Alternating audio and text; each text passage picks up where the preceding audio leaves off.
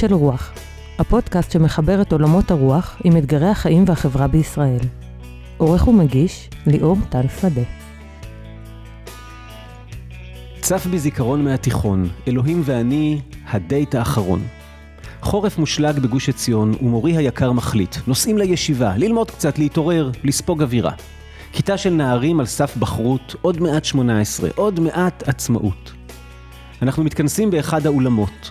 איש נפלא, חוזר בתשובה, עיניים שכולן ניצוצות ואהבה. שיחה. בשלב מסוים, אני לא יכול עוד.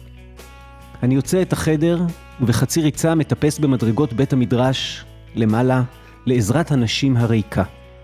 שם אנחנו נפגשים. ראשי עטוף בטלית, גרוני חנוק ודומע. אני מתקפל כולי אל תוך הבד, עוצם עיניים לחות וזועק, שמע ישראל, אדוני אלוהינו, אדוני אחד. רחש הלומדים המפלפלים בגמרתם אל תוך הלילה, צורב את אוזניי, צולף על פניי, ואני מתיישר בתנועה איטית כגבעול בחלוף הרוח. רגע אחרון של אינטימיות חולף. נשימתי שבה אליי, האתאיזם זוחל מכפות רגליי במעלה גופי, עד אשר הוא מושיט לי יד, ופושט מעל ראשי בפעם האחרונה את טלית התכלת עטורת הציציות. מבט אחרון נישא אל חלל בית המדרש ההומה, הלב חובר לו להיגיון ומשם אל הידיעה המוחלטת. תם ונשלם. בפסח הראשון שאחרי, אני נמצא ברמת הגולן עם כל משפחתי, מחביא נייר ועט בכיסי, נכנס לשירותים וכותב שיר מחתרתי. להיות איתכם, אך לבדי, ללא כיסוי מעל ראשי, נטע זר, עוף מוזר, להיות אני, להיות אני. בן אהוביי, אך בבדידות, האין הפסח וחירות, בשדה הוורד, להיות הזרד, בשביל כנות, בשביל כנות. להיות שונה בכאב נורא, יחיד לזעוק לאמונה, לחוש שלם, אך לשלם, כנשמה טועה, כנשמה טועה. שלום לכם ולכן, אה, קולות של רוח, פרק 80, אה, הגענו לגבורות. והפרק ה-80 יהיה פרק מיוחד, שונה קצת ממה שעשינו עד עכשיו, מאחר והפרק יהיה מאוד אישי, והוא בעצם יעסוק בשני סיפורים, קצת הסיפור שלי וקצת הסיפור של מי שעוד מעט אני אציג שקוראים לה דבורה. הרעיון הוא לצאת מתוך המסע האישי ולדבר רעיונות, אבל בניגוד לפרקים בדרך כלל שאנחנו פשוט מדברים רעיונות, מה שיעמוד במרכז הפרק הפעם זה תהליכים אישיים שעברנו, ואני אגיד כבר עכשיו את הפואנטה. הפואנטה אומרת ככה, התחושה שלי זה שדווקא התהליך של עזיבת הדת והתהליך לפעמים של עזיבת האמונה יכול להיות תהליך שבעומק שלו הוא תהליך של חזרה בתשובה. זאת אומרת, אם יש, אם הרעיון עומק של תשובה, זה לא להפוך מחילוני לדתי, אלא הרעיון עומק של תשובה זה לעשות שינוי פנימי, ללכת בדרך שאתה מאמין בה, להתחבר לעצמך, לעשות איזשהו מהלך שבסופו אתה, אתה מרגיש נכון יותר, טוב יותר. שיבה לעצמי ושיבה לדרך ה... ה לא יודע, הישר, אז יש לא מעט אנשים שעבורם דווקא התהליך ההפוך לכאורה, התהליך שמכנים אותו בטעות יציאה בשאלה, זה בטעות כמובן כי המילה תשובה היא מלשון לשוב ולא מלשון answer, אבל התהליך הזה, אז החזרה בשאלה היא בעצם חזרה בתשובה. ועל הדבר הזה אני רוצה לדבר עם מי שעשתה את התהליך הזה הרבה יותר לאחרונה ממני, כי אני עשיתי את זה בנעוריי. אני אגיד אולי הקטע שהקראתי בהתחלה, כתבתי אותו בגיל 22, בגיל 22 היה לי מין קיץ כזה, אחרי שקראתי את רוק בבית הסוהר של יונתן גפן, מי שלא קרא, זה, זה כתוב כזה, הוא מספר על שנה מחייו במין שורות קצרות והרבה פעמים מחורזות ומכניס כל מיני ציטוטים וקראתי את זה ונמלאתי בהשראה ורצתי למחשב ואפשר להגיד שפחות או יותר כתבתי חודשיים רצוף והטקסט ההוא שכתבתי חודשיים רצוף שהוא טקסט ארוך יחסית הולך לראשונה לראות אור בעוד חודשיים שלושה כשספרי מה למעלה מה למטה יוצא לאור.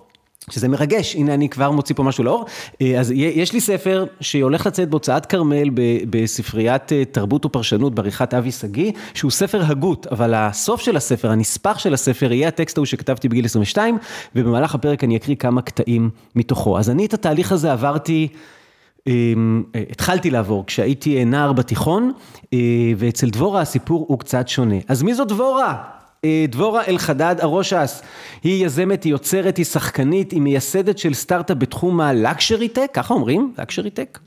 אה, בשנים האחרונות דבורה עובדת בסטארט-אפ שלה במשרה מלאה, היא במקביל, היא כותבת סדרה, יחד עם שותפה בשם לליב סיוון, הסדרה נמצאת בתהליכי פיתוח, אבל כבר נגלה לכם שהיא נוגעת בנושאים של מיתולוגיה ונשים, והקול הנשי שהודחק ביהדות וחוזר ממש עכשיו. אה, וזו הולכת להיות איכשהו פנטזיית אקשן מיתולוגית, אז מסקרן, אנחנו נחכה לראות את זה. היא אימא לאלמה ונינה והיא בת זוג לרון, והיא גם הייתה מהמקימות של קבוצת הפדלחושיה, פמיניסטית דתייה ללא חוש הומור, ועל זה אנחנו נדבר בהמשך. היא הייתה ממש נושאת הדגל של הדבר הזה כמה שנים טובות, והיא סגרה את הקבוצה. אבל זה נושא שנגיע אליו במהלך הפרק, אה, ואני חושב שעכשיו קודם כל נגיד שלום דבורה. שלום. אה, דבורה טיפה ככה קצת לחוצה וקצת כן. מתוחה, ואנחנו כולנו פה ביחד עכשיו משדרים לה אנרגיות חיוביות, ומודים לה על זה שהיא הולכת לשתף מסיפורה. אה, מה שצריך להגיד, היא לא, נכון, לא, את לא נוהגת לעשות אה, אני לא, ביום יום. לא נוהגת, כן, לדבר על הפן האישי והאינטימי הזה, אבל בשבילך, ליאור, אני עושה את זה, כי אני מאוד מאוד אוהבת את הדברים שלך, ואני אוהבת את הפודקאסט, ואני סומכת עליך שזה יהיה... שזה יהיה טוב. תודה. אמ, אז איך הכל התחיל? איך הכל התחיל? מה, מה זה הכל? התהליך הזה ש, שגרם לך לחזור בתשובה. אוקיי. כן, אז כמו שאמרת, אצלי זה ממש, אה, זה ממש עכשווי, זה, זה משהו שאני עוברת ממש בימים אלו. אחד הסיבות למה שאמרתי לך, שאני כל כך מפחדת לפתוח את זה, כי זה לא שיש לי איזו משנה מגובשת וסדורה. אמ, זה ממש תהליך, אמנם ארוך, תקופה ארוכה של כמה שנים, אבל מאוד איטי והדרגתי. זה קשה, נכון? קשה לשים אה, נקודת... קשה, זה לא, אה, לפחות... כן, אני לא חושבת בכלל שדברים בחיים זה כזה נקודה. למרות שאתה תיארת משהו כזה, תיארת שהתם לא, ונשלם הזה, זה די מדהים. אני יודע להגיד על נקודה שבה אמרתי, זהו, מכאן אני שלם עם עצמי, ואני, אבל כמובן, להגיע mm. לרגע הזה, זה היה תהליך. לא, אצלי זה לא נקודה אחת. פשוט אצלך הנקודה תהיה הפרק בפודקאסט. זאת אומרת, אחרי הפרק, את תוכלי להגיד, שם, שם הרגשתי. אני חושבת שנקודה מאוד משמעותית שבהחלט אני יכולה להגיד, זה הנקודה שבה סגרתי את הקבוצה. אנחנו נגיע לזה יותר מאוחר. אמ, למרות ששם זה לא היה איזה... זה לא כתבתי על אה, חזרה, יש יציאה בשאלה או משהו כזה, באמת זה היה נטו לדבר על הנושא של, אה, של הנושא של הקבוצה, של פמיניזם דתי, שבזה אני כופרת. אה, לגבי כל שאר העולם הדתי, זה משהו שהוא הרבה יותר רחב, לא, לא יכולה להגיד שיש נקודה. אז את גדלת בבית דתי, ומה, מתישהו בחייך הבוגרים פתאום התחלת להרגיש שאולי את לא, במק... לא ב... על המשבצת לא, לא. הנכונה? אה, לא, אני, אני, סיפור אחר לגמרי, אני דוסית, כאילו, עדיין, איפשהו, עדיין, אני אוהבת הכל, אני כאילו, זה נטו הנושא של, ה, של, ה, של מעמד האישה בדת, ש, שהתפכחתי בגללו, אולי בזכותו, אני לא יודעת, אבל אני ממש הייתי נשארת בכיף, אם, אני חושבת, אם לא היה את זה, או אם הייתי גבר, אני לא חושבת שאם הייתי גבר הייתי מספיק... אה, אצילי כדי להבחין במה שאני מבחינה בו כאישה, שזה כזה about her, כאילו, אני מאוד אהבתי את הדת, תמיד. לא היה לי רגע של כאילו אה, ספק, אף פעם. כזה, בטח לא בקיומו לא, של... לא רגע של ספק באמונה את מתכוונת? וב... לא, גם עכשיו, אני לא הפסקתי להאמין. פשוט שיניתי, אני הפסקתי להאמין בממסד הדתי. וב, ובהלכה. ובהלכה, בכל הדבר הזה. כל הדבר שנקרא אמ, כן, ההלכה היהודית, אה, כל ה construct הזה של אה, היהדות במובן ה... כן, היהדות, אפשר להגיד, במובן הדתי, במובן ההלכתי. אמ, וזה הכל היה הסיפור של מקומה של האישה בתוך זה? משמעית, כן, כן, רק זה. זאת אומרת, לכאורה... אבל אני טוענת שאין אין, אין בלי זה, זאת אומרת, זה ממש הדבר. כל הדבר הזה הוא, הוא שיעבוד נשים בשבילי, איך שאני רואה את זה. וואו. זה מה שכתבתי בטקסט, זה מה שכל כך הכעיס אנשים ונשים רבות שהגיבו לזה. אני חושבת שאי אפשר לקיים יהדות בלי זה, כי היהדות בנויה ומושתתת על זה מעצם... זאת אומרת, אבל מה שמנסים לעשות בתנועה הקונסרבטיבית, או בתנועה, זה לכאורה יהדות שוויונית? לכאורה. למה? אז תגידי למה. פה אתה מכניס אותי לטריטוריה הזה. תראה, אני מלאת סימפתיה והערכה למה שעושות התנועות האלה. אני עוד לא פגשתי, אצלי בחיים האישיים, עוד לא פגשתי גרסה ש... שבאמת הצליחה לבודד את הדבר הזה, את היחסי כוחות הכל כך לא שוויוניים. יכול להיות שיש, אני מקווה שיש, אני מאוד אשמח לפגוש את הגרסה הזאת של יהדות שהיא באמת, באמת, מה זה שוויונית? שהיא באמת גם נשית ולא רק גברית. יש, אני בדיוק הזמנתי את כל הספרים אה, בבוק דיפוזיטורי של אה, תנועת כהנת, שנורא מעניין אותי. אה, גם שם, אתה נתלה בסוף בטקסטים, אז עד כמה אתה יכול לקיים, או את יכולה לקיים מערכת שיש בה חירות, אם את עדיין נשענת על טקסטים כל כך אה, מדכאים, זאת שאלה. אני, אני, שוב, במלוא הצניעות אני אומרת, אני אישית עוד לא פגשתי. אני עוד לא מספיק חקרתי את זה, אני, אני כן, הלוואי, הלוואי שיש. ו- ואז זה קורה, כאילו ההבנה הזאת שבטח מתרחשת בהדרגה, והמקום שאליו את מגיעה, הוא, הוא קורה עכשיו, נכון? את נשואה, יש לך שני, כן. שני, שתי בנות, אז איך זה עובד ב... Hmm, אני חושבת שכשעלמה הגיעה לגיל חינוך, שהיא כבר מתחילה ככה להבין, אז כבר הייתה לי הבנה מה אני לא רוצה. שאני לא רוצה שהיא תצטרך להתמודד עם מה ש... שהיא לקבל את הדברים, את הבסיס הזה שאני, שכל כך קשה אחר כך להתנער ממנו, אז... אז רק שלא יחשבו שהיא בת 16, היא בת 5, נכון? היא בת 5. כן, אוקיי. רק, שם את הדברים. לא, אז נגיד, אני חושבת שהצעד הראשון זה היה להוציא אותה מגן דתי ולשים אותה בגן ממלכתי אה, רגיל. אמ, שזה היה הקלה. וואו. כאילו, אני חושב, הסיפור שלך, יש בו משהו מיוחד ומקסים. כאילו, את, את אומרת, אה, אה, שהיו לך, אתה תדעי, אולי אני מתאר את זה לא נכון, אבל היה לך משהו מאוד מאוד חשוב, שלא רק חשוב בחיים, אלא הוא את, שזה כל המקום של הנשיות וה, ומה שמכנים, שזה גם בעייתי, עם מעמד האישה, וכל האזור הפמיניסטי, והיה לך משהו שגם היה את, שהוא כל האזור הם, הדתי, ואמרת, הם, הם חייבים להתגרש, וברור לי את, במי אני בוחרת בגירושים האלה. לא, אני לא רואה את זה ככה. לא? לא, שוב, הדואליות הזאת, לא. קודם כל, אני לא מאמינה יותר גם בנושא הפמיניסטי, זאת אומרת, המילה פמיניזם מבחינתי ריקה לחלוטין, אפשר להגיד את זה עכשיו ממש בביטחון מלא, כי הוא לא אומר כלום, הפמיניזם, כאילו המילה פמיניזם, מה זה פמיניזם? כל אחת פמיניסטית, עכשיו 2021, כולם, you know, everyone's a feminist, נכון?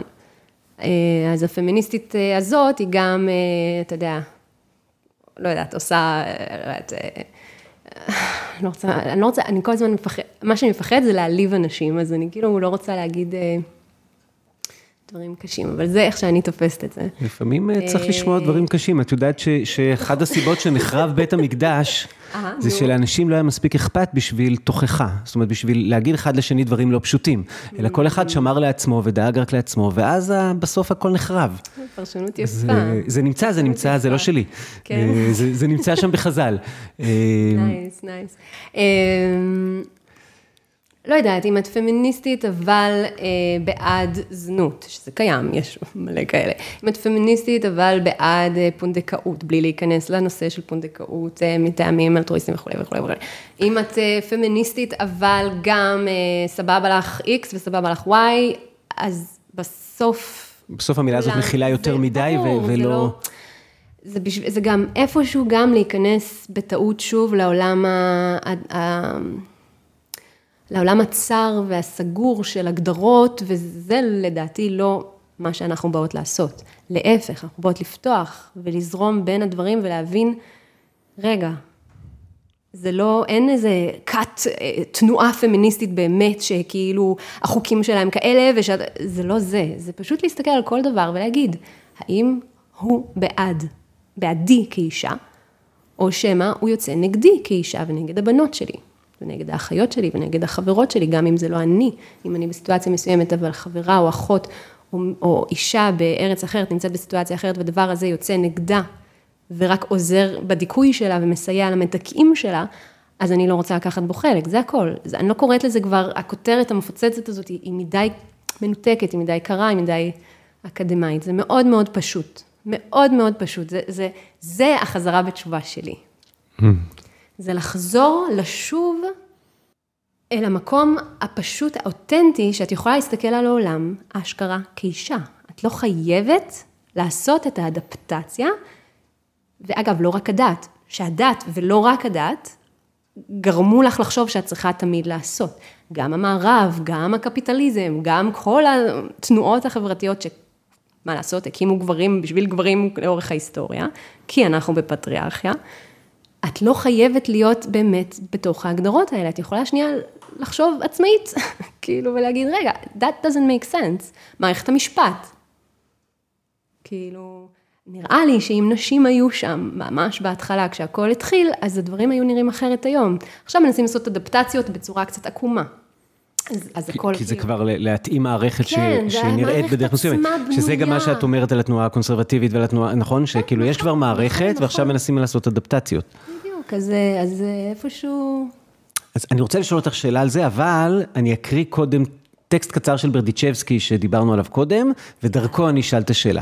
אז ברדיצ'בסקי שהיה... אמ, אה, אה, חילוני נועז, אה, שעבר את התהליך הזה שאנחנו מדברים עליו, אבל הלך איתו בצורה, לא אבל, והלך איתו בצורה מאוד רדיקלית, ורוב הטקסטים שלו הם טקסטים מאוד שנראה שהכל ברור לו, והוא יודע, יש לו גם מדי פעם טקסטים קרועים, ובסוף המאמר דרכים יש כמה שורות קרועות כאלה, שאני אקריא אותן, לי הן ממש נוגעות לליבי, ואז על בסיסם יש לי שאלה, ואולי גם לעצמי. הוא כותב ככה, אם אדם מישראל המית את עצמו על מצווה אחת קלה, הרי דמו צועק אליי מן האדמה. ובשעה שאנוכי עובר עליה, על המצווה, דמות דיוקנו של הקדוש הזה תהיה רצוצה, שבורה, מעוכה, מטפחת על פניי. זהו הצער התולדתי, ואלה הם הייסורי התולדה. ייסורים הממלאים את נפשנו ורוחנו, ועושים אותה קרעים קרעים, ניגודים ניגודים.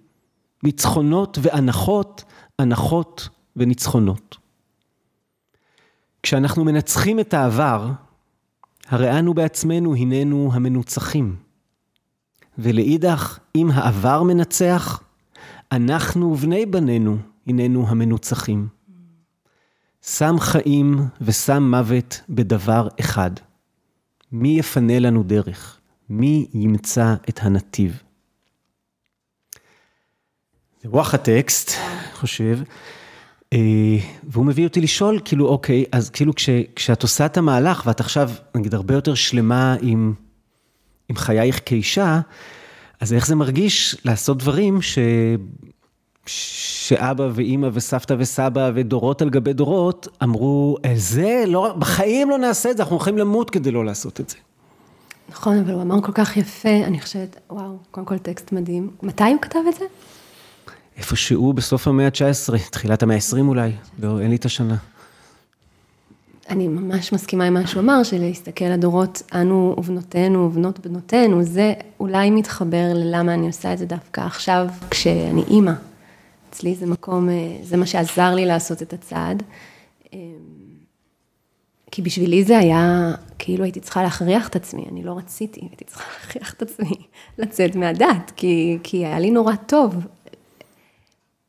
הייתי ממש, זה כאילו כמו חזרה בתשובה הפוכה, כמו שאמרת מקודם, הייתי צריכה כאילו להגיד, קדימה, you can do it, תעשי את זה למרות כל הקולות שאומרים לך לא לעשות את זה. אמ, ומה שמחזק אותי זה להסתכל בילדה שלי, זה להסתכל עליה ולדעת שהיא משקפת לי בצורה כל כך טהורה ויפה את, את מה שאני רוצה ש... שיהיה לה. זה, it makes it, זה עושה את זה כל כך יותר ו- קל. ו- וכשאת וזה, ועדיין יש קרעים קרעים? כאילו, כשאת כן. עכשיו, את מרגישה כן. קש, שקשה לך, כאילו? חד משמעית, קשה לי. קשה לי. אמ, גדלתי לתוך זה, גדלתי בזה, וגדלתי בגרסה שאין לי איזה מרד נגדה. היהדות שגדלתי בה היא יהדות אמ, אה, נפלאה, כאילו, כמובן, אם מסתכלים עליה בתוך הפריזמה. אמ, סובלנית ואינטלקטואלית, ואף פעם לא היה... כפייה או משהו כזה, ממש לא. אני חוויתי, חוויתי ממש אה, יופי של קהילה ושל אה, האמונה והטקסטים, ו, ולמדתי, זכיתי ללמוד, כאילו, אף פעם לא אמרו לי, את, אה, אף פעם לא אמרו לי במשפחה, הגרעינית שלי, את לא יכולה כי את בת. זה משהו שלא נאמר לי, לא משם מגיע הכאב שלי, ממש לא. שם זה מקום דווקא טוב. המקום הפחות טוב זה המסביב, זה כשזה מערכת החינוך, ואחר כך קצת להיכנס לטקסטים ולגלות את ה... את ה-DNA של הדבר הזה. ולהיות בבית כנסת בטח. להיות בבית כנסת. אה, המקום, המקום שבו... אה, המקום, המקום, בית כנסת של אבא שלי, שכל כך אהבתי, כל כך אהבתי להיות שם, הייתי באה איתו, אתה יודע, בחגים, אה, כשעזרת הנשים הייתה ריקה, הייתי הבחורה, נערה, יחידה. הייתי אוהבת, הייתי אוהבת לבוא, פשוט לשבת שם, להקשיב, להתפלל. ואז פתאום הכניסה לבנות היא כבר לא מהדלת הראשית. היא כבר מדלת צידית, אוקיי. ואז אחרי כמה שנים זה גם כבר לא מהדלת הצידית, את גם מהשער הצידי, את לא אמורה בכלל להיכנס מהשער הראשי, את צריכה להיכנס, יש לך שביל עפר ותטפסי את המדרגות ולאט לאט את, והרב שאומר לך, אה, אל תבואו, נשים, אל תבואו, שקט, כאילו אם אתם אה, זה, תצאו, לאט לאט את כאילו נדחקת מגן העדן. כן. והיה ברור מאליו, אני חושב, לנו, אבל לא בטוח שהרב הוא תמיד אה, גבר, והמניין בכלל שסופרים הוא תמיד ברור, רק דברים נספרים, והחזן, והקריאה בתורה, וה... כאילו לא חושב, נכון, יש, לא, לא, שנים לא חושבים. את לא חושבת על זה, עד, עד לאחרונה, כאילו, את, את, זה ברור שהרב גבר, מה זאת אומרת? הוא לא אמור להיות משהו אחר. איזה מוזר זה רב אישה, כאילו, that would be weird, לא, ממש לא, כאילו. את, יש לנו הרבה מאזינים דתיים שפה אולי חשוב לי, לפעמים כשאני אומר שקשה לי להיות בבית כנסת, קשה לי, אני מרגיש כאב וקושי בגלל הסיפור המגדרי. הם מסתכלים עליי בתור, אוף, אתה נהיית כל כך קיצוני, זה כל כך כבר איזה משהו. הפוך, הפוך. ואני חושב, לא, דרך המילים שלך, משהו ב... כאילו, תבינו את הכאב, נכון? תבינו, זה, אה, זה כל כך... זה, לא, אני לא... זה, זה הפרק הקודם, זה הפרק הפדלחושי בשבילי. של אה, תבינו את הכאב, תבינו שזה לא הגיוני, תבינו שזה לא נעים להיות בלי המזגן ובלי לשמוע, ואת רוצה אבל גם לא יכולה, אבל הילדים ו... לא, זה לא סבבה, זה פשוט לא סבבה, זה לא, זה לא הגיוני. אנחנו, זה לא יכול להיות שאנחנו עדיין נשתף פעולה עם דבר כזה, זה, זה הזוי.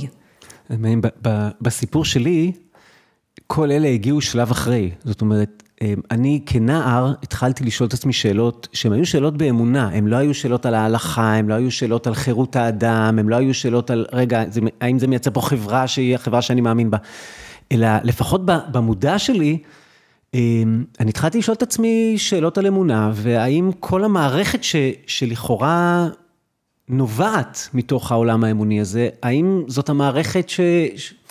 ו... ובתוכי לאט לאט זה התגבש, ש... שזה לא הדבר שאני מאמין בו. אה, זה מאוד שונה כן, ממה, ממה נכון, שאת תיארת. כאילו, הבנתי, זה, זה לא הדבר שאני מאמין בו. אמ, ואולי אני אקריא על זה עוד רגע איזה, איזה טקסט. והתהליך שהתרחש אצלי בשלב שני היה שאחרי שאני שלם עם עצמי ואומר, אמ, זה, זאת לא המערכת ולכן אני לא אעשה אותה, אני, אני יוצא מתוך הסיפור הזה, היהדות יקרה לי מאוד מאוד והתחלתי לפתח את כל תפיסת היהדות כתרבות שלי ויהדות חילונית ולהיות מחובר לזה עמוקות, אבל הסיפור הדתי הוא לא הסיפור שלי, ואז יכולתי מבחוץ לפתוח עיניים. Mm-hmm. ובפתיחת עיניים פתאום ראיתי את, את, את כל הבעיות עומק שהמגדר הוא מרכזי בתוכם. Mm-hmm. וקפתי אותם. אני, אז רגע, אז אולי אני אקריא עוד קטע כן, כן. מאותו כן. ספר כן, של כן. גיל 22. אז הנה עוד קטע אה, קצר. הייתה תקופה ארוכה בה רציתי להאמין. חשבתי שטוב יהיה לי יותר עם אלוהים, עם דת ומסורת, עם תכלית ברורה ומובחנת. אבל האמונה בדבר טיבה של המציאות איננה פרי רצון האדם. האמת הפנימית של כל אחד מאיתנו היא אומנם סובייקטיבית, אך היא איני מהווה תוצאה של רצוננו. בספרו על רבי חסדאי קרסקס הסביר זאת אבי רביצקי כך: האמונה היא שכנוע פנימי של המאמין בדבר ההתאמה בין תוכן הכרתו לבין המציאות האובייקטיבית. כשם שהמציאות האובייקטיבית החיצונית אינה נתונה לשרירות הרצון ולתהפוכותיו, כך גם האמונה בדבר טיבה של מציאות זו מופקעת מרשותו של הרצון. כל הניסיונות הפילוסופיים והתיאולוגיים, החל מדקארט ועד ימינו, להוכיח את קיום האל או את אי קיומו, התמוטטו כמגדל קלפים. הוכחה אין, לא לכאן ולא לכאן. כל אחד מאיתנו נותר עם מה שנראה לו כסביר ביותר, עם היכרותו הפנימית והכנה. יכול אדם להתכחש לעצמו, יכול אדם לפעול בניגוד להכרתו, אך לא יכול אדם לשנות את הכרתו. בעל כורכך אתה מאמין, ובעל כורכך אינך מאמינה. ככל שהוספתי בלימוד ובחשיבה, ככל שהעמקתי בכתבים ובשיחות, כן העמיקה הכרתי הברורה בחוסר האמונה באל עליון. כן, עכשיו וידוי. אינני מאמין בהשגחה טרצדנטית על האדם, אינני מאמין במקור אלוהי לכתבים הדתיים, אינני מאמין בקשר כלשהו, עכשווי או היסטורי, בין אל לאדם. אם כך, עליי לחיות. בתחילה קשה היה לי לקבל את עצמי, אך כיום אינני יכול לדמיין או לרצות אני אחר. אתאיסט אנוכי, כופר בכל עיקרי האמונה של היהדות, אך נאמן לאמונותיי ולדברי הרמב"ם בהלכות דעות. אסור לאדם להנהיג עצמו בדברי חלקות ופיתוי, ולא יהיה אחד בפה ואחד בלב, אלא תוכו כברו, והעניין שבלב הוא הדבר שבפה. ואסור לגנוב דעת הבריות, ואפילו דעת הנוכרי, ואפילו מילה אחת של פיתוי ושל גנבת דעת אסור, אלא שפת אמת, ורוח נכון, ולב טהור. שלם עם אמונתי הפנימית, צר מעלי סימן השאלה שהטריד כה רבות את שנות התבגרותי. בחרתי בדרך, וחבריי האמיתיים ומשפחתי כיבדו את בחירתי וחירותי, ואף אני קיבלתי אותם בדרכם השונה. בסופו של עניין, ספק אם דרך אחת נכונה ישנה בנמצא, ולכל אחד מאיתנו יש את הזכות והחובה לדרכו שלו. לך, לי ולזרטוסטרה של ניטשה. נקודותיים. ואולם זה הדבר אשר לטעמי הוא. לא טוב ולא רע, אך טעמי שלי, אשר בו לא אבוש ואותו לא אסתיר. זוהי דרכי שלי. ומהי שלכם? כה עניתי לאלה אשר ביקשו ממני את הדרך, כי הנה הדרך אינה מצויה כלל. טוב, זה ניטשה, זה מה שעברתי. נראה לי שהגיע הזמן לשאול על הפדלחושיות, אבל לפני זה אני אגיד משהו על זה, בסדר? כן. ברשותך. כן. אמ, למי שלא מכיר ולא יודע, אז הקבוצה הזאת, עכשיו אני אומר איך אני חוויתי את זה, הקבוצה הזאת של אני פמיניסטית דתייה ללא חוש הומור, התחילה כ... אולי תספרי לנו איך בדיוק התחלת אותה, אבל התחילה כרעיון של דבורה, ש... שפתחה את הדבר הזה, וקרה שם משהו יוצא דופן גם במונחים פייסבוקיים, כן? זו הפכה להיות קהילה גדולה מאוד. של הרבה אלפי, בעיקר נשים וגם גברים, שפתאום מצאו מרחב להגיד, אני גם דתייה, ואני גם פמיניסטית, והדבר הזה הולך ביחד, ופה יש לי בית, והבית הפך מבית שהוא רק דיגיטלי גם לבית ממש, נערכו כנסים ופגישות, ואנשים התחילו לזהות את עצמם, שאלו אותם, תגיד, במה, במה אתה מאמין, במה את מאמינה? אז אמרו, אני פדלחושית, אני, כאילו זה הפך להיות מהותי ממש בחיי אנשים. ואז באה זו שהקימה את הדבר הזה, ונתנה להם קרן אור ותקווה, תסלחי לי שאני מציג את זה ככה, ואמרה להם, לא, זה לא הולך ביחד, טעיתי.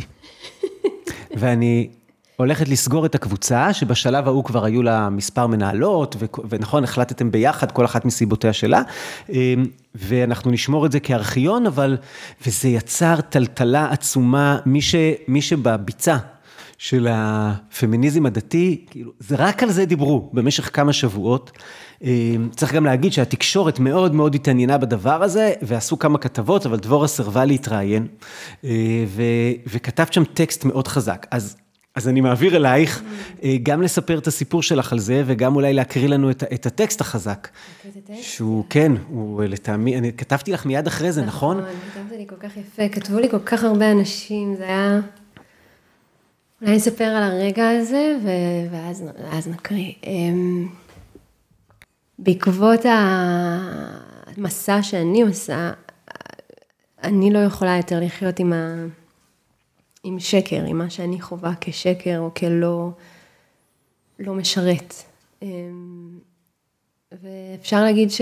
אוקיי, בלי קשר, גם הקבוצה ירדה מגדולתה בשנים האחרונות, אבל גם במה שנשאר ועדיין קרה שם, זה היה הביטוי של כל מה שהתחלתי להתפכח ממנו. אמ, נהיה לי מאוד מאוד קשה להיות שם, אני אקריא, נראה לי הטקסט מדבר בעד עצמו, אמ, אבל המסע הזה, התשובה, לשוב לה, לאמת האמיתית שלך, ולא להיכנע לתסריטים שמאוד מאוד מבקשים שתחזיקי בהם, אמ, ושנוח להחזיק בהם, שיש בהם שיש שם הרבה רווח והרבה הרבה נחת להחזיק בהם, למרות שיש דיסוננס, אבל עדיין, את, את, את נאחזת, כמו שאתה אמרת שנאחזת בהתחלה ב, אה, ביהדות, בכל זאת, כתרבות, כאילו לא יכולת לעזוב את זה, יש שם משהו שהוא כל כך אה, פנימי בנו. עד ש... היום אני נאחז ביהדות כתרבות. אני יודעת, אני יודעת. אז אני ממש ניסיתי להאחז באמונה, אמרתי, לא יכול להיות, אני אמצא נכון, את הדרך להאמין, אני אמצא את הדרך. אני מאוד מזדהה עם זה, מאוד מאוד מזדהה עם זה, אבל ברגע שמתפכחים, כמו שאמרת, כשהיית בחוץ יכולת להסתכל, זה כאילו לצאת זה לצאת מ, מהשפעה של סם.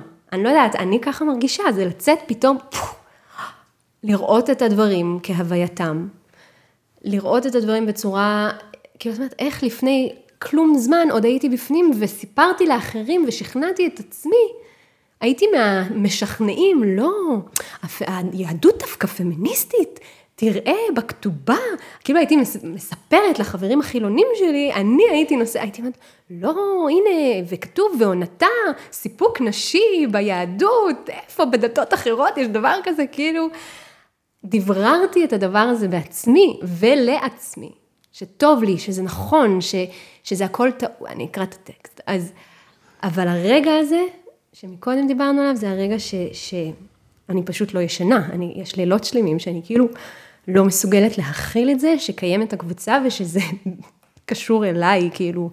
כי, אמ, כי בעצם את חתומה על מה שעכשיו נראה לך כמו דרך להתחמק מהאמת. כן, כמו, לא, אפילו אם זה הדרך, אם זה האינטלקטואלי, דרך להתחמק מהאמת, זה נורא חמוד. אין לי בעיה שאנשים יתחמקו מהאמת שלהם, אין לי בעיה, זה לא שלי, זה שלהם, זה לא זה, זה, זה, זה אמ, מרחב שבסופו, שכל כך נראה טוב וזוהר ומקסים ו... חביב ונכון, אבל הוא עושה המון נזק. הוא עושה המון נזק. לנשים, הוא עושה המון נזק לנשים, אין איך להסתכל על זה אחרת מהדרך, ש... מהזווית שאני מסתכלת על זה עכשיו. תקריא לנו מה כתבת. יאללה, בוא נקריא. אוקיי. אגב, כתבתי את זה מבחינתי לקהל היעד. הסיבה שמקודם אמרת שכל התקשורת ושסירבתי, זה נכון, כי לא היה לי שום אה, קריאה לספר את זה החוצה. אה, מבחינתי זה היה צריך להגיע למי שזה היה צריך להגיע, לנישה הקטנה והחמודה והאינטימית אה, שהייתה לנו שם, וזה הגיע למי שזה צריך להגיע. אחר כך עשו מזה מטעמים בתקשורת הכללית, בעיתונים, זה היה בכותרת הראשית כאילו של, של עיתונים, זה פחות, אה, זה פחות מה שביקשתי לעשות, זה לא, לא יודעת. אז אני אקריא. הקבוצה הזו נולדה מכאב גדול שלי, והיוותה בזמנו נחמה אדירה בבחינת צרות, צרת רבות חצי נחמה. הייתי בת 24 כשפתחתי את הקבוצה, סטודנטית, מלאת אמונה ולהט לייצר שינוי חברתי במערכת מיושנת. חשבתי שהנה, הגענו לעידן בו נשים מקבלות קול וכוח באופן דמוקרטי הודות למדיה החברתית, ועכשיו נותר לנו רק להצביע בהמוננו על העובדות, והממסד הדתי יבין ויפנים שהגיע הזמן להפסיק להתייחס אלינו כאל יצורות נחותות שצריכות לקבל רשות לנשום, לדבר, לשיר, להתקיים במרחב. במשך שנים האמנתי שניתן לשנות מבפנים, אם כי בהגדרה כולנו גם כך בחוץ. שניתן לאחוז את החבל משני קצותיו, שהם לוקחים בעלות על היהדות, אך היא לא באמת שלהם, ובעומק יש בדעת מקום לכולן. בשנים הראשונות לקיומה של הקהילה הזו היא הרגישה כמו הדבר הנכון. הנה, נשים התאגדו, שברו שתיקה, עמדו על זכויותיהן. בכל פעם שאישה סיפרה שהקבוצה הזו נתנה לה כוח וגב לדרוש משהו, לשנות משהו בחייה, נמלאתי שמחה ואמונה בעתיד. חשוב לי להגיד שחווינו פה רגעים של חסד, שיתוף והשראה שהיו חשובים גם עבורי במסעי האישי. ועם זאת, כיום אני מבינה שטעיתי. נכון, זיהינו את מסך העשן, הגז לייטינג הבסיסי של לדעת את האישה. זה לא באמת ברור שלא עשני אישה, זה כי אתן נשגבות יותר, לא, לא, לא, לא, לא. למדנו לזהות והעמקנו במקומות שנוצרו לא עבורנו, אלא נגדנו. עגינות, בעלות, תקיפה מינית, אונס, ניצול נשים בידי סמכות דתית, הדרת נשים ממוקדי קבלת ההחלטות, הפקעת כוח ושליטה מנשים על גופן, השתקת קולן של נשים, הסגברה, אמ, התופעה של גברים שדנים במיניות האישה ללא סוף, בדקדקנות מעוררת חלחלה. סיפרנו לעצמנו שברגע שזיהינו והצבענו, הרי שהצלחנו לנצח את השיטה. אך פספסנו את העיקר.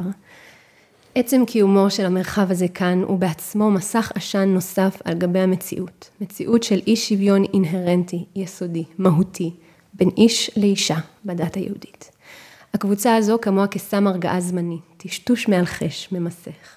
המחשבה שנוכל להיות אנחנו, בתוך מערכת מיזוגנית במוצהר, שנוכל לשמור על כבודנו העצמי, היא אשליה במקרה הטוב, רמייה עצמית במקרה הרע, ושיתוף פעולה ברמייה של אחרות במקרה העוד יותר רע. אי אפשר להכחיש. יש חוט שמקשר בין הפדלחושית מבאקה לבין הנערה בת ה-17 שמגלחים לה את השיער לפני שמוסרים אותה לבעליה, לבין האישה החילונית שמשקיפה על כל זה בהיקסמות ואומרת שהיא אמנם לא שם, אבל חשוב לכבד את המסורת. קיום הקבוצה תחת הכותרת אני פמיניסטית דתייה, משרתת בטווח הארוך לא את הנשים בתוך הדת, אלא את המשך קיומם של מסכי העשן. במו ידינו נטלנו כמה מגדולי הביטויים של מיזוגניה. חיבסנו אותם בעמל בנהר הגדול, פרסנו אותם לרווחה, מצהירות, כשר, אבל מספיק רק להעז להישיר מבט בכבשים האלו כדי לראות כמה הם מלוכלכים ובלויים. כמו שאמרה מרי דלי, אם אלוהים הוא זכר, אז היה זכר אלוהים. בסוף, בהרכינך ראש בפני מערכת שבנו גברים בלבד, למען אינטרסים של גברים בלבד, אז היית בהכרח מרכינה ראש בפני עליונות גברית. בקבלה שזוהי מערכת היסוד שמגיעה לה כבוד בלתי מסויג, שכל אתגור שלה צריך להיעשות ביראה. הרי שאת מכבדת את יסוד היסודות של המערכת הזו, משמרת בעצמך את הלבנים של החומה הכבדה הזאת, מחזיקה אותם בידייך כדי שחלילה לא יקרסו, ומה שאת מדמיינת יהיה הסוף שלך. אני מסתכלת אחורה ומבינה את העצבות התהומית שיש במעמד הזה, של לחכות לפירורים שיועילו בטובם הרבנים לתת לנו, להרשות לנשים X, להתיר לנשים Y. חשבתי שאנחנו מחדשות, מאתגרות, אבל שוב ושוב המשכנו להגדיר את עצמנו לאור ההגדרות שלהם. עד כמה שניסינו, לא הצלחנו למנוע את התופעה ההרסנית של נשים שמתנצלות, מכלות את זמנם ומאמציהן בהסברים ומקוות לאישור גברי על עצם קיומן. הייתי מלאת התנגדויות כשנשים שלא מתוך הדת ניסו להראות לי את האור. היותן מבחוץ מנעה מהן, לתפיסתי דאז, להבין שזה מורכב, שזה סך הכל טעות היסטורית קלה, שזה הכל סימבולי, לא באמת, שאריות של תקופה היסטורית שונה, ובכלל עכשיו אנחנו בעידן של שינוי ואו-טו-טו הכל משתנה לחלוטין. הנה, נשים כותבות ספרי הלכה. הן נראות לי, הן נראו לי מתנשאות עיוורות, ציטטו דברים שנשמעו לי פשטניים, מביכים, בורים, מתבלבלות במקורות, טועות בקביעות. מהי טעות, שאלתי פה אחת מכן לאחרונה, בהקשר של תפיסת הדת אותך כאישה. אבל האמת היא שזה כלל לא מורכב. אם ברצונך להיות אישה שווה, חופשייה, בעלת ריבונות וסוכנות על גופה, על רחמה, על מיניותה, על בריאותה, על אהבתה, על שמחתה, אז המסגרת דתית אינה המקום לכך. דיכוי האישה ביהדות הוא לא אלמנט קטן שניתן להסיר אותו קוסמטית או להתעלם ממנו כאילו לא היה. הוא בבסיס, בלעדיו הכל נופל. דמיינו איתי רגע, מה קורה אם מחר בבוקר מסה קריטית של נשים אומרת לא עוד? מה יקרה אז? נכון, יש מחיר לשלם, אין ספק שיש הרבה לאבד, אבל המחיר של שיתוף פעולה באצטלה של מאבק, מאבק שנשבע אמונים מראש, מגדיר את עצמו כחלק מהמערכת המדכאת עצמה, המחיר של ויתור על כבוד, כבוד בסיסי כאדם שווה, המחיר של העברת הערך הזה לבנות ולבנים שלנו, גדול אף יותר. שאלה, מערכת יחסים שמבנה אותך כמשנית, בניכור תמידי לקיומך במרחב, נוטעת בך ספק נצחי באם מותר לך להימצא, להישמע, ועל הדרך גם שולטת במרחב האינטימי שלך, במיניות שלך, בגוף שלך. מערכת יחסים שמשננת עלבונות ומכריחה אותך לפעמים לשנן אותם, על היותך רפת שכל, שווה רק לילד קטן או שוטה. מערכת יחסים שמפקיעה ממך את היכולת לשפוט ולהחליט החלטות לגבי גורלך. אותה מערכת יחסים גם מבנה את עצמה כאמת אלוהית. בין לבין כינויי הגנאי, היא מקפידה להתפייט על מעלותייך פעם בשבוע, מלמדת אותך להצדיק את כל מעלליה, להסביר לעצמך ולסובבים בחיוך, כי את בוחרת בהכל בלב שלם ואוהב, שזה למעשה לטובתך, להפך, מעצים אותך, שכל מי שמעז לשקף לך את המצב, הוא פשוט בהגדרה בור ועם הארץ. איך היינו קוראים למערכת יחסים כזו?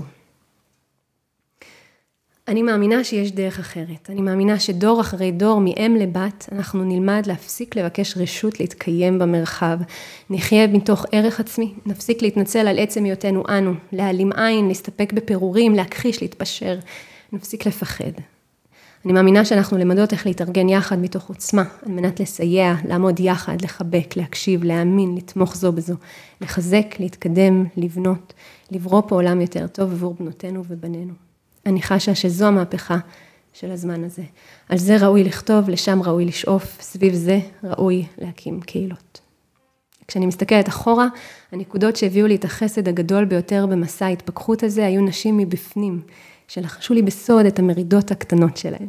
חופת נידה, שבעה נקיים ועוד ועוד. מחזקות אותי בבחירה נגד מה שהרגשתי שבלתי אפשרי לי להכיל. שלא ייתכן שאלו דברי אלוהים חיים. חלקן אפילו לא יודעות כמה חירות ואושר הן הביאו לחיי. אני רוצה שנפסיק ללחוש. את לא צריכה רשות, את יודעת, את שווה, כמו שאת. כל כולך, הגוף שלך נפלא, המיניות שלך טובה, המחזור הנשי שלך הוא מופת של טבע אלוהית, הקול שלך מבורך, הנוכחות שלך חשובה, העדות שלך מהימנה, את נבונה, את חכמה, דעתך יקרה, את לא צריכה לבלוע את העלבון בעד שום ערך בעולם, את לא צריכה להחריש, את לא צריכה להיכנס מהדלת הצדדית או לשבת מאחורי וילון. את לא צריכה להזיז את כל זה הצידה כאילו זה לא משנה, ואת לא צריכה להמציא לזה צידוקים דחוקים. את לא צריכה לחכות שהרב יאשר. את לא חייבת לכבד את מי שבז לכבודך. תהליך של תיקון של עוול היסטורי לא אמור לקחת זמן ולא אמור לא להבהיל. את לא פוגעת באף אחד כשאת דורשת את החירות שלך. קחי אותה. היא שלך בזכות.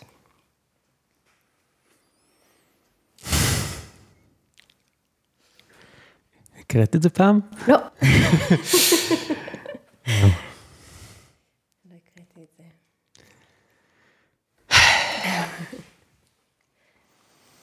תראו, אם אתם מסכימים או לא, ואם אתם מסכימות או לא, זה, זה, אה, זה משהו שצריך לשמוע.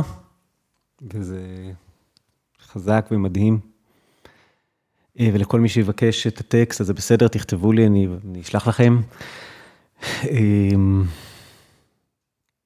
אה, טוב, אנשים כעסו, נכון? כי, הם, כי סגרת להם את הקהילה. כן, מאוד כעסו, מאוד כאבו.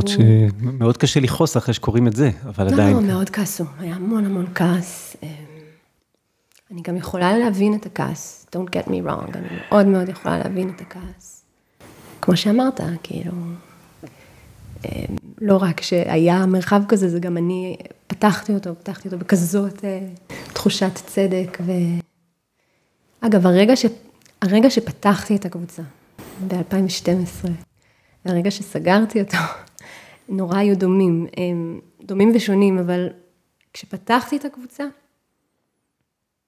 אני זוכרת, וסיפרתי על זה גם לאורך השנים, אני זוכרת את הרגע הזה, שאני מול המחשב, אה, כותבת את האודות הזה ואת זה, ואומרת לעצמי, אוקיי, אני לא יודעת מה הולך, זה כאן, בראש הרציונלי שלי אמרתי, זה יהיה מקום לי, לחבר שלי עמוס מדר, שהיה איתי בכל הסיפור הזה, לכמה חברות שהזדהו איתי, כי לא היו לי הרבה שהזדהו איתי.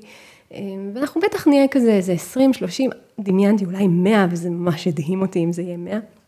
אמ, אבל איפשהו, כשכן הרגשתי שזה הולך להיות גדול, הייתה לי איזו תחושה שעבר דרכי משהו, וממש עבר דרכי, כאילו כשלחצתי על האנטר זה לא היה אני, זה היה כאילו משהו היה צריך לעשות, מישהו היה צריך לעשות את זה, אני לא מאלה שעושים דברים כאלה בכלל, פשוט עשיתי את זה. כאילו אה, זה היה צריך לקרות בעולם, ראיתי שאף אחד לא עושה את זה, זה פשוט בא דרכי. אותו דבר הרגשתי גם בסגירה. אה, אמרתי לך, לא ישנתי בלילות, ממש, לא ישנתי, כאילו זה היה מעיר אותי בלילה. את יכולה לסגור, את לא יכולה לסגור. עד שהבנתי שאני פשוט לא יכולה, אה, גם החברות שלי, המנהלות, לא, לא כולם הסכימו עם זה, מה את עושה, ובואי לא תעשי את זה ככה, ו... ואת לוקחת להם את הבית, וכל הדברים האלה דיברו ללב שלי, אמרתי להם, אתם לא מבינות, זה הפוך, אני לא מסוגלת, מבחינתי, הפוך זה לעשות עוול, להשאיר את זה ולא לדבר. אם אני לא אגיד את זה, אני ארגיש, אם אני לא אכתוב את זה, אם אני סתם אסגור ואגיד, הקבוצה מיצתה את עצמה ביי, זה לא זה. אני צריכה להגיד את הדברים, הם צריכים להיות בחוץ. אבל מה, פחדתי, רעדתי פיזית, כשבאתי לפרסם את הטקסט, היד שלי רעדה, לא הצלחתי להגיע למקש. אבל ברגע שלחצתי, וואו, ברגע שלחצתי, והיה את העיגול הזה שזה הולך להתפרסם, וזה לקח זמן, כי זאת מגילה ארוכה, וואו, ירד ממני כאילו אבן כזאת מהלב, פשוט ירדה. ומאז היא לא חזרה, אז היא פשוט ירדה.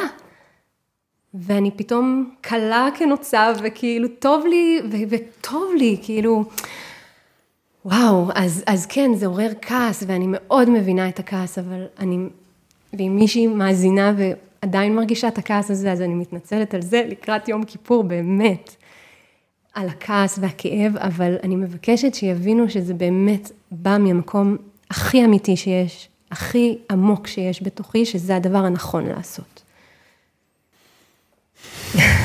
לא, זה נורא קשה בהקלטה, כי אי אפשר לחבק. עשיתי וידוי. יום כיפור לפני אה, אה, אה, 24 שנה, 24, 3? לא זוכר, אה, סיימתי לכתוב את הסיפור ההוא של הנער המתבגר. אה, זה מעניין שזה יצא שביום כיפור אני כותב את הסוף. אני לא אקריא לכם את כל הסוף, אבל הנה קטעון. ואני יושב לי ביום הכיפורים, היום, מכריע הכרעות, בונה בניינים ומנסה לחשוב, איך יוצאים ממבוך כשנמצאים עדיין באמצעו. מבית הכנסת עולים תפילות החג ואני בתפילתי שלי. ונתנה תוקף קדושת היום, כי הוא נורא ואיום, ובו בוחן אדם כליותיו ועורך את חשבון נפשו. אמת, אתה הוא דיין ומוכיח יחידי לעצמך. וכותב וחותם וזוכר כל הנשכחות, ופותח את ספר הזיכרונות אשר מאליו ייקרא וחותמך בו. ובשופר גדול ייתקע, וקול דממה דקה יישמע, וחיל ורעדה יאחזו בך, את הביט בפניך, ותאמר, הנה יום הדין, הנה אני מביא עצמי לדין. בראש השנה ייכתבון, וביום צום כיפור ייחתמון. מה יחיה ומה ימות, מה בקיצו ומה לא בקיצו.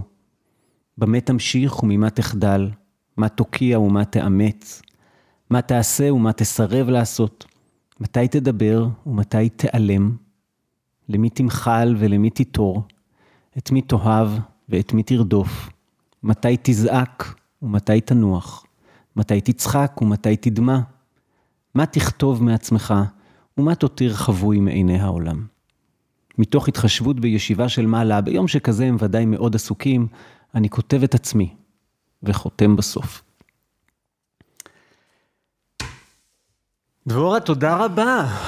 תודה לך. הנה, זה לא היה כזה נורא. לא היה נורא? אמ, אז זה היה פרק קצת אחר, לא יודע אם אתם עוד פה, אחרי 50 דקות. זה רק אה, אנחנו. כן, נשארנו לבד.